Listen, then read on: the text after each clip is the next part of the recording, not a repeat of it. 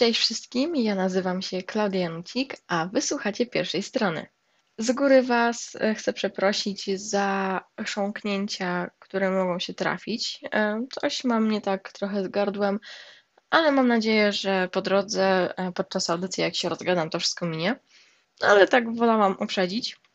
No a przechodząc już stricte do tematu samej audycji.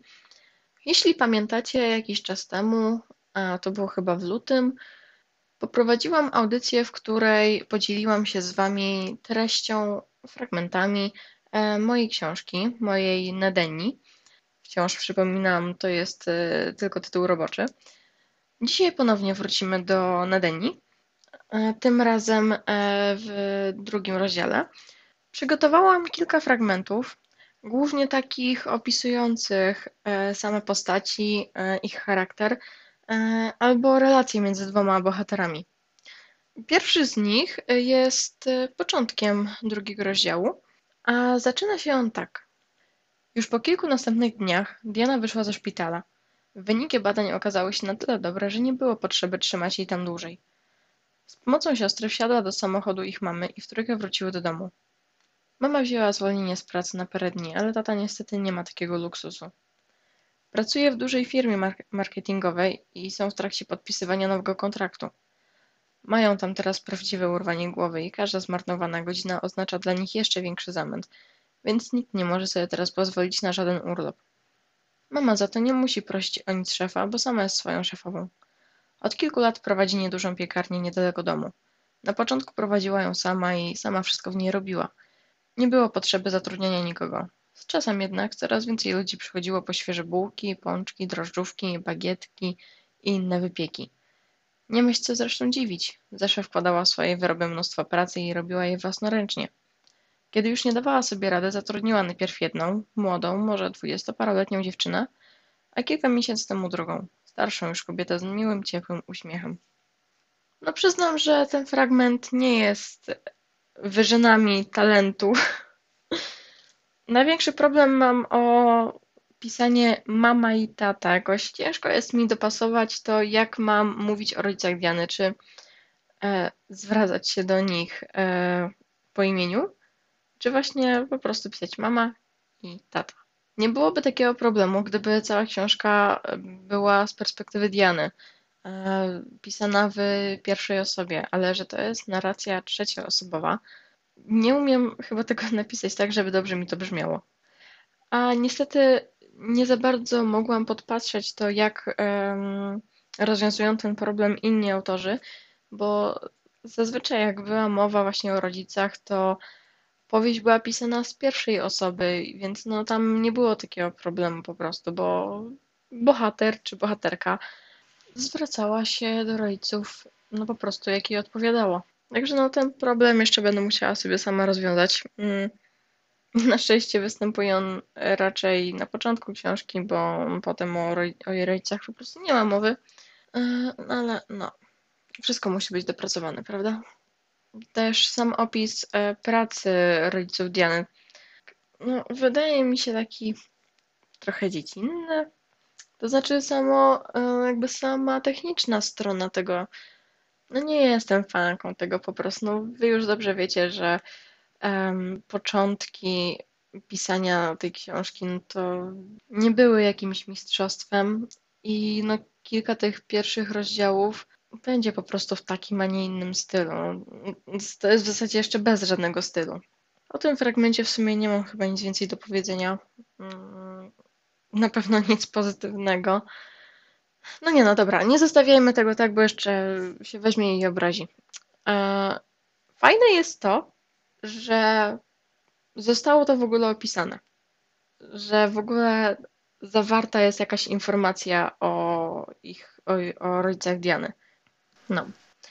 I to chyba jest największa i chyba też jedyna zaleta tego fragmentu. Przejdźmy dalej. E, kolejny fragment to dialog. E, no tak w połowie dialog, albo w 80%. Nie będę teraz o nim nic więcej mówiła, bo myślę, że nie będziecie mieli problemu z rozeznaniem się w sytuacji. A, a jak coś, to po prostu dopowiem wszystko później. Dialog zaczyna się od Diany. Roxana. A tobie co tak mina zredła? Hm? Dzwoniłam do Toma. Nie odbiera. Może po prostu jest zajęty? Zapytała luźno i piła łyk ze swojego kubka. Wiem, po prostu chciałam z nim pogadać. Dzisiaj nie przyszedł do szpitala. W ogóle nie dawał znaku życia i ty już wymyślasz niestworzone historie, co to się nie stało. Odstawiła kubek na parapet, pokręciła głową i demonstracyjnie opuściła ręce, tym samym rozbawiając trochę Dianę. Możliwe, mruknęła patrząc w swój kubek i nie ukrywając śmiechu. Tym czasie Roxana usadowiła się wygodnie i dyskretnie spojrzała za okno. Wiesz, powiem ci, nie mam zielonego pojęcia, dlaczego ty się wiecznie tak wszystkim przejmujesz. Tym bardziej, że przejmujesz się rzeczami, o których nie wiesz na pewno. Racja, może tam mnie odebrał, bo coś się stało, albo siedzi sobie z jakąś blondyneczką na boku, popijając drinki w pubie i nawet o tobie nie myśli. Na te słowa Diana nagle spoważniała, spięła się i spojrzała na rozluźnioną siostrę. Albo chciał ci zrobić niespodziankę i był zajęty wybieraniem odpowiedniego bukietu i właśnie puka do naszych drzwi. Taki od fragmencik pokazujący ten luz Roxany. No też nie jest, nie jest, są to, jak to wcześniej określiłam, wyżyny talentu, ale wydaje mi się, że ma w sobie naprawdę dużo uroku. Mm, Roxana jest taką osobą bardzo pozytywną, e, głośną, mm, wyluzowaną, ale przy tym też ciepłą. I wydaje mi się, że udało mi się w tym, e, w tym krótkim dialogu zawrzeć tej cechy. To, co mi się na pewno nie podoba, to znowu mm, sama forma tego napisania. Mm, trochę też nie jestem przekonana do tych e, dopowiedzeń narratora e, po wypowiedzi danej postaci. Wydaje mi się, że nie za dobrze odzwierciedlają to, co się tak naprawdę tam dzieje.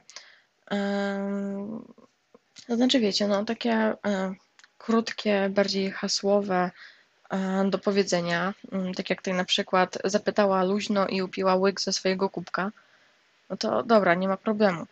Ale w pewnym momencie um, mam wrażenie, że czytelnik może się troszeczkę jakby zgubić e, w tym, co kto mówi bo po prostu nie jest to podkreślone.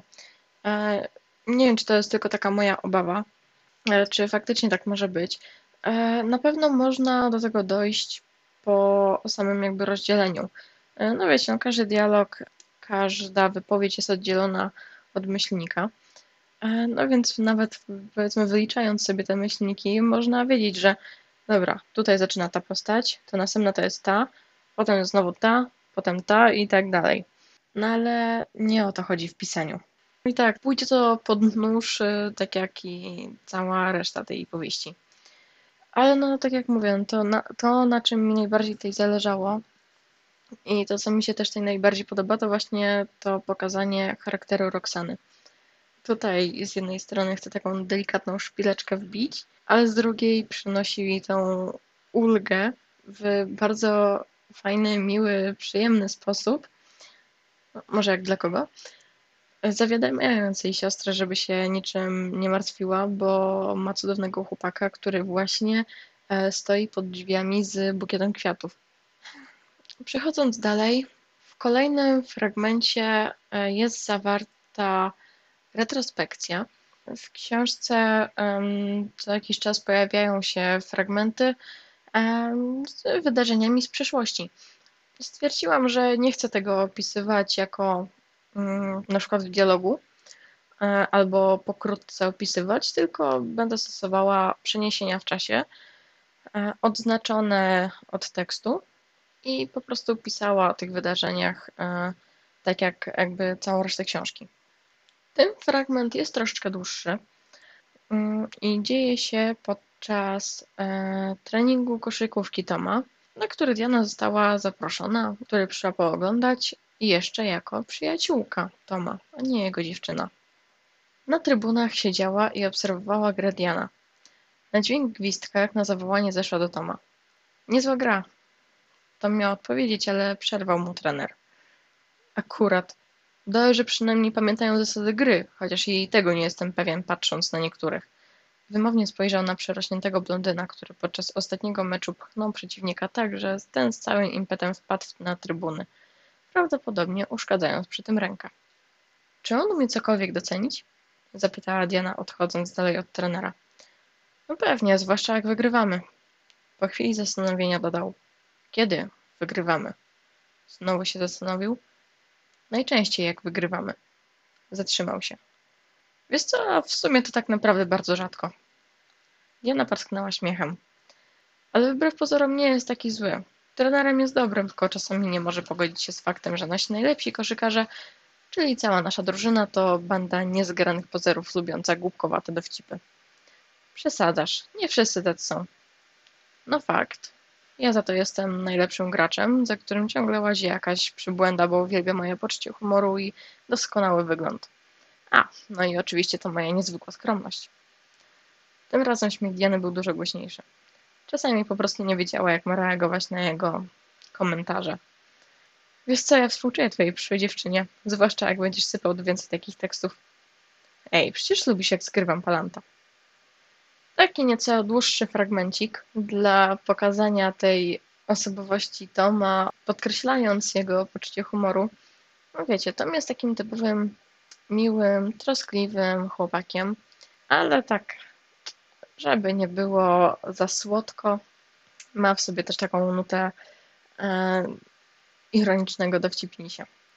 Ogólnie lubię ten fragment, ale no, znowu mam takie wrażenie, że jest trochę jakby dziecinnie napisany. No właśnie przez to, że był napisany tak dawno temu, e, kiedy w zasadzie dopiero zaczynałam tak poważniej pisać.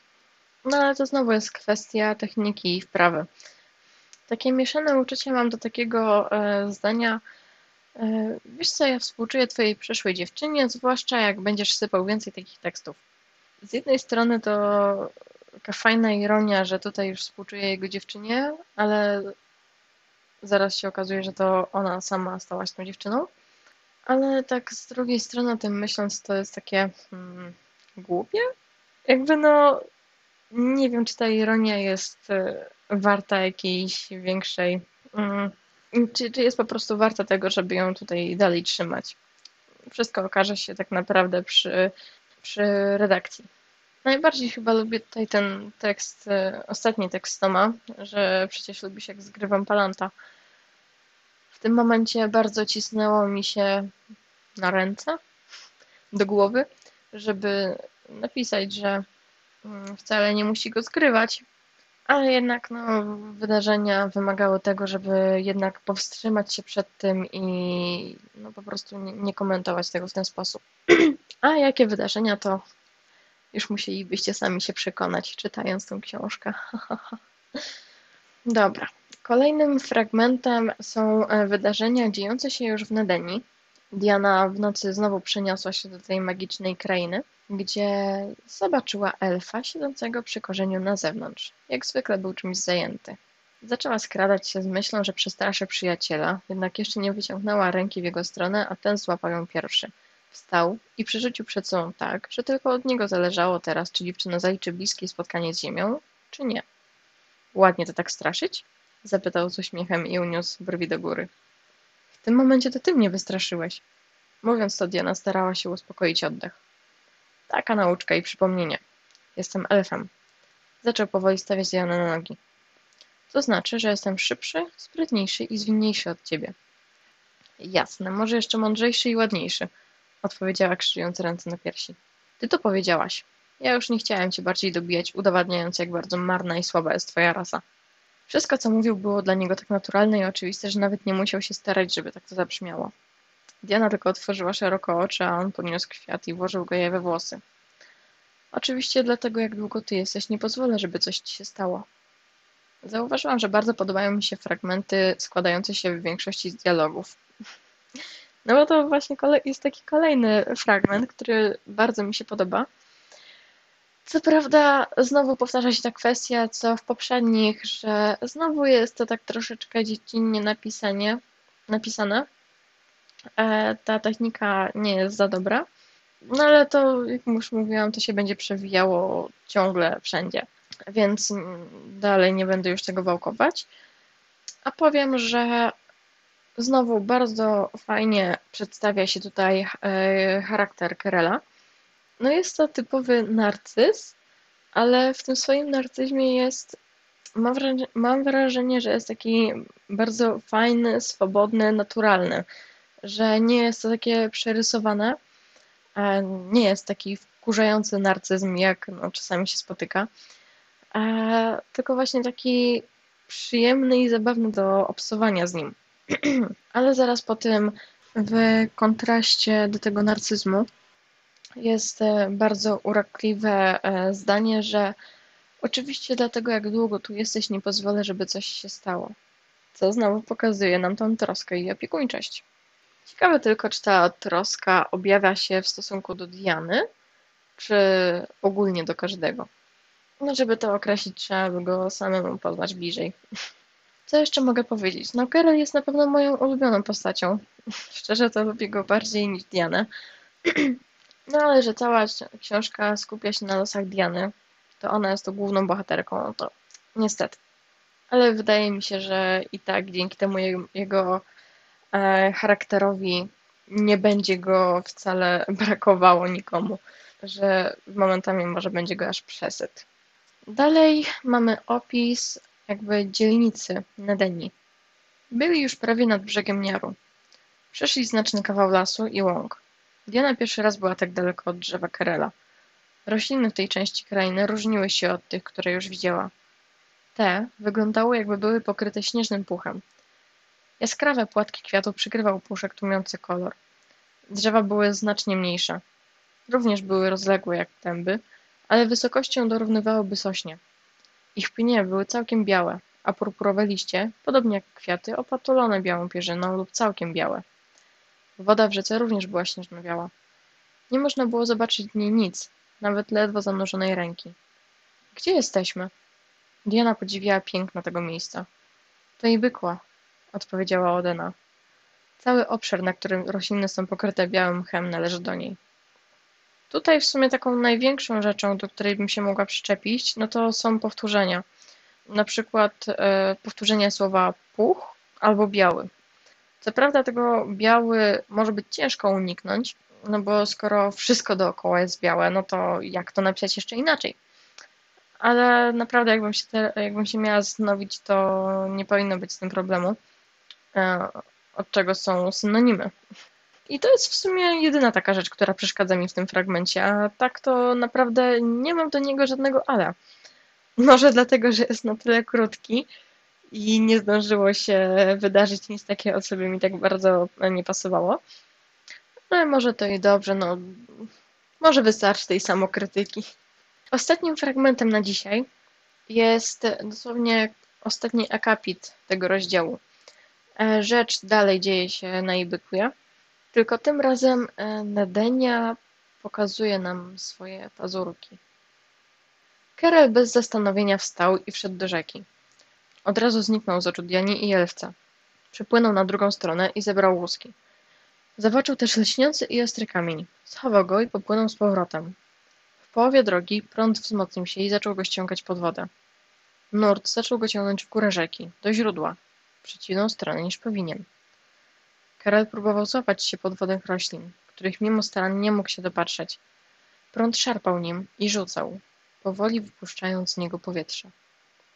Coś się dzieje, coś się dzieje, nie wiadomo co, czy Karel przeżyje, czy wyjdzie z tego cało, czy to już ostatni fragment, w którym widzimy Karela całego i zdrowego. No już wam mogę powiedzieć, że nie. To akurat myślę, że jest bardzo do przewidzenia, że Karel tutaj nie zginie, ale wiecie, mała porcja adrenalinki jeszcze nikomu nie zaszkodziła. No co, no tutaj w tym fragmencie głównym tematem jest to, że Nadenia zrobiła coś bardzo nieprzewidywalnego. Coś, czego jeszcze nigdy w życiu nikt nie widział. E, nagle nurt wody nagle się zmienił, prąd się wzmocnił, a Kerel po prostu wpadł w tarapaty przez rzekę, którą znał od tak dawna, która nigdy go nie zawiodła. W Nadenii panuje harmonia i spokój. To jest po prostu taka utopia. A tu nagle zaczyna dziać się coś innego, coś, co w ogóle nie powinno mieć miejsca. A co już w tym momencie daje Kerelowi do myślenia, że coś się zaczyna dziać nie tak. Jeśli chodzi o techniczną stronę tego fragmentu, no to kwestia jest podobna jak i we wszystkich potrzebnych, że no wydaje mi się, że teraz dużo lepiej bym to mogła napisać, ale już nie czepiajmy się aż tak. Mm, nie jest to najgorszy fragmencik. E, jego główny cel został osiągnięty, czyli właśnie pokazanie tej, tej nagłej zmiany e, Niaru. Tak patrzę na czas i tym właśnie tajemniczym i niespodziewanym fragmentem będziemy kończyć audycję. Mój głos pozwolił mi na poprowadzenie tej audycji tak, mam wrażenie, tak jako tako. Mam nadzieję, że Was bardzo to nie kuło po uszach. Starałam się jak mogłam. Liczyłam, że w trakcie jeszcze rozgadania podczas audycji po prostu mój głos się poprawi, no ale jednak niestety to nie wyszło. Także nie będę już przedłużała. Mm, mam nadzieję, że podobała Wam się ta audycja, że trochę Was zaciekawiła ta Nedenia, że w ogóle podobają Wam się e, te fragmenty. Może będziecie o nich w stanie jeszcze coś dopowiedzieć, coś więcej niż ja sama mogłam. No bo wiecie, osoba trzecia zawsze tam będzie mogła dopowiedzieć coś więcej niż e, sam zaangażowany w daną rzecz. Tak więc ja się z Wami na ten moment żegnam i do usłyszenia za tydzień. Cześć!